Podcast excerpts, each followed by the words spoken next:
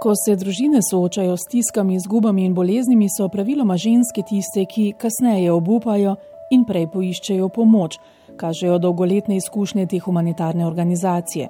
Tako je bilo v času po osamosvojitvi, pa pred desetletjem v času globalne krize in tudi sedaj v korona krizi, ki je izrazito obremenila ne le zaposlene ženske v zdravstvu, socialnem skrbstvu, negi vzgoji, izobraževanju, pač pa tudi v zasebnem življenju, opozarja Anita Ogulin. Ženske so bile dobesedno tiste, ki so reševale ne samo odnose znotraj družine, ampak tudi osnovno eksistenco, preživetje in skrb za otroke. In ženske so bile in še danes so tiste, ki odpirajo vrata do različnih oblik pomoči in podpore, ki jo res potrebujejo. Moški so res v premnogih primerjih dobesedno zamrznili. Ženske so bile tiste, ki so morale po pomoč in ta pomoč je pravzaprav tudi njim predstavljala veliko breme. Eh, mnoge od njih so se zlomile. Prositi za pomoč, povedati, da ne zmoreš otroku dati najnujnejšega, da ne moreš obdržati ali najti službe, da sploh ne vidiš več kako naprej, je namreč nepopisno težko. Srečevali smo se res s trpkimi izkušnjami družin. Recimo ena od teh je oče pred dvema mesecema izgubil službo, mamica je pred tednom dni izvedela, da jo bo izgubila, imela sta tri otroke. Prišla je do nas in je seveda povedala, da jo je groza, ker nikoli niso bili deležni kakršne koli pomoči in podpore, sorodnikov, na katere bi se obrnili, nimajo. In kako bo preživela? Seveda smo ji takrat povedali, povedali, da ne se obrne na center za socialno delo, da bo pomoč dobila tudi pri nas, ker zadeva otrok, bodo tudi otroci posuportirani z našimi programi. Ampak mi smo izvedeli, mamica je drugi dan naredila samomor. Tako da stiske žensk v času gospodarske krize so nepredstavljive in verjemite, terjajo ali pa trajajo tudi še danes. Kaj ugotavljamo? Ugotavljamo, da ženske prevzemajo dobesedno preveč bremena na se, da ga preprosto ne zmorejo. Hodimo po družinah, ugotavljamo, da ko so stiske, ne samo, da, da obolevajo po teža bremena, ampak jih tudi funkcionalno onesposoblja. Ženske dobrobit drugih družinskih članov pogosto postavijo pred vse svoje želje in potrebe, tudi za ceno lastnega zdravja. Recimo ena mamica, proizvodna delavka, ki je zaradi tragedije v družini ostala sama, je delala po noči, vse čas po noči, samo zato, da je lahko čez dan skrbela za otroke. To je trajalo dve, tri leta, na kar je tudi sama neozdravljivo zbolela. Mamica, ki je videla, no, da njihovo stanovanje pravzaprav razpada, je po noči, ko je dala punčke spat, zidala, ploščice polagala, skratka, upravljala vsa vzdrževalna dela. Ne morem vam povedati, kako pravzaprav je posegla revščina ali pa recimo gospodarska kriza v življenje žensk.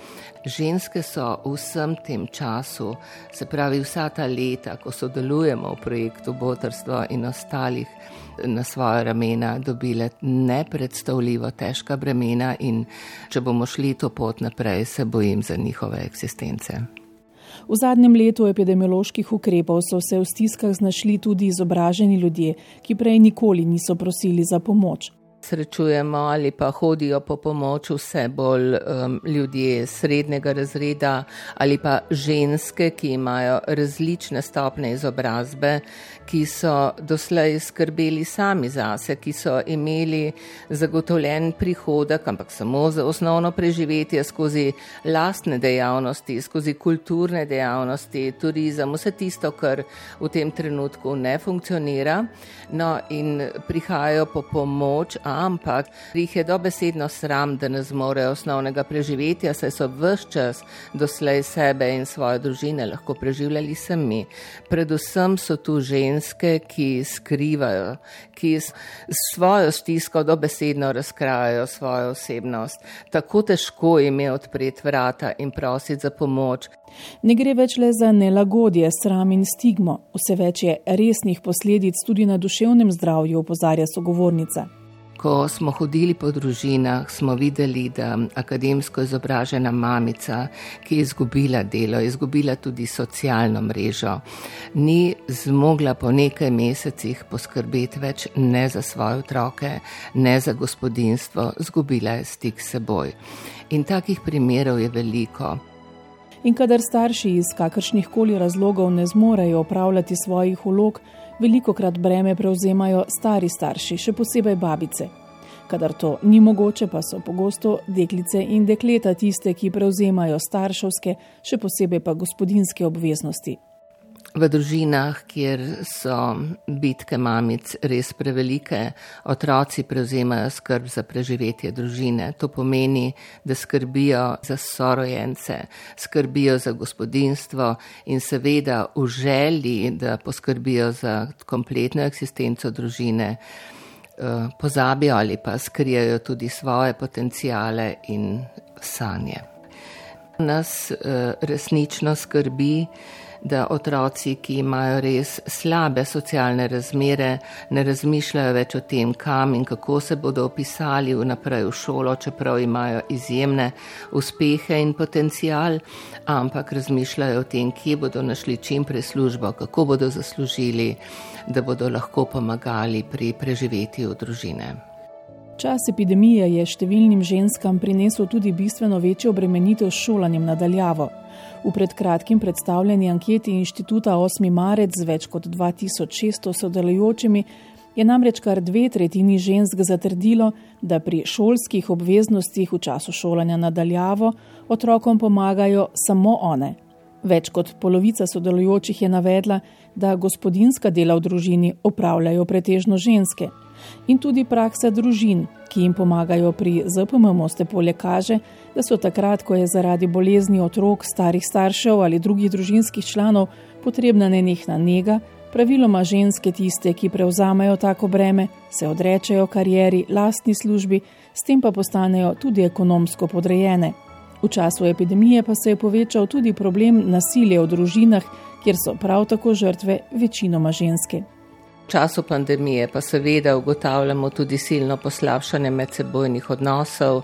Na vse možne načine pa so žrtve seveda pretežno in predvsem ženske, mamice, partnerke in podobno, ki ne morejo iz tega odnosa obejžati preprosto zato, ker so tudi ekonomsko odvisne.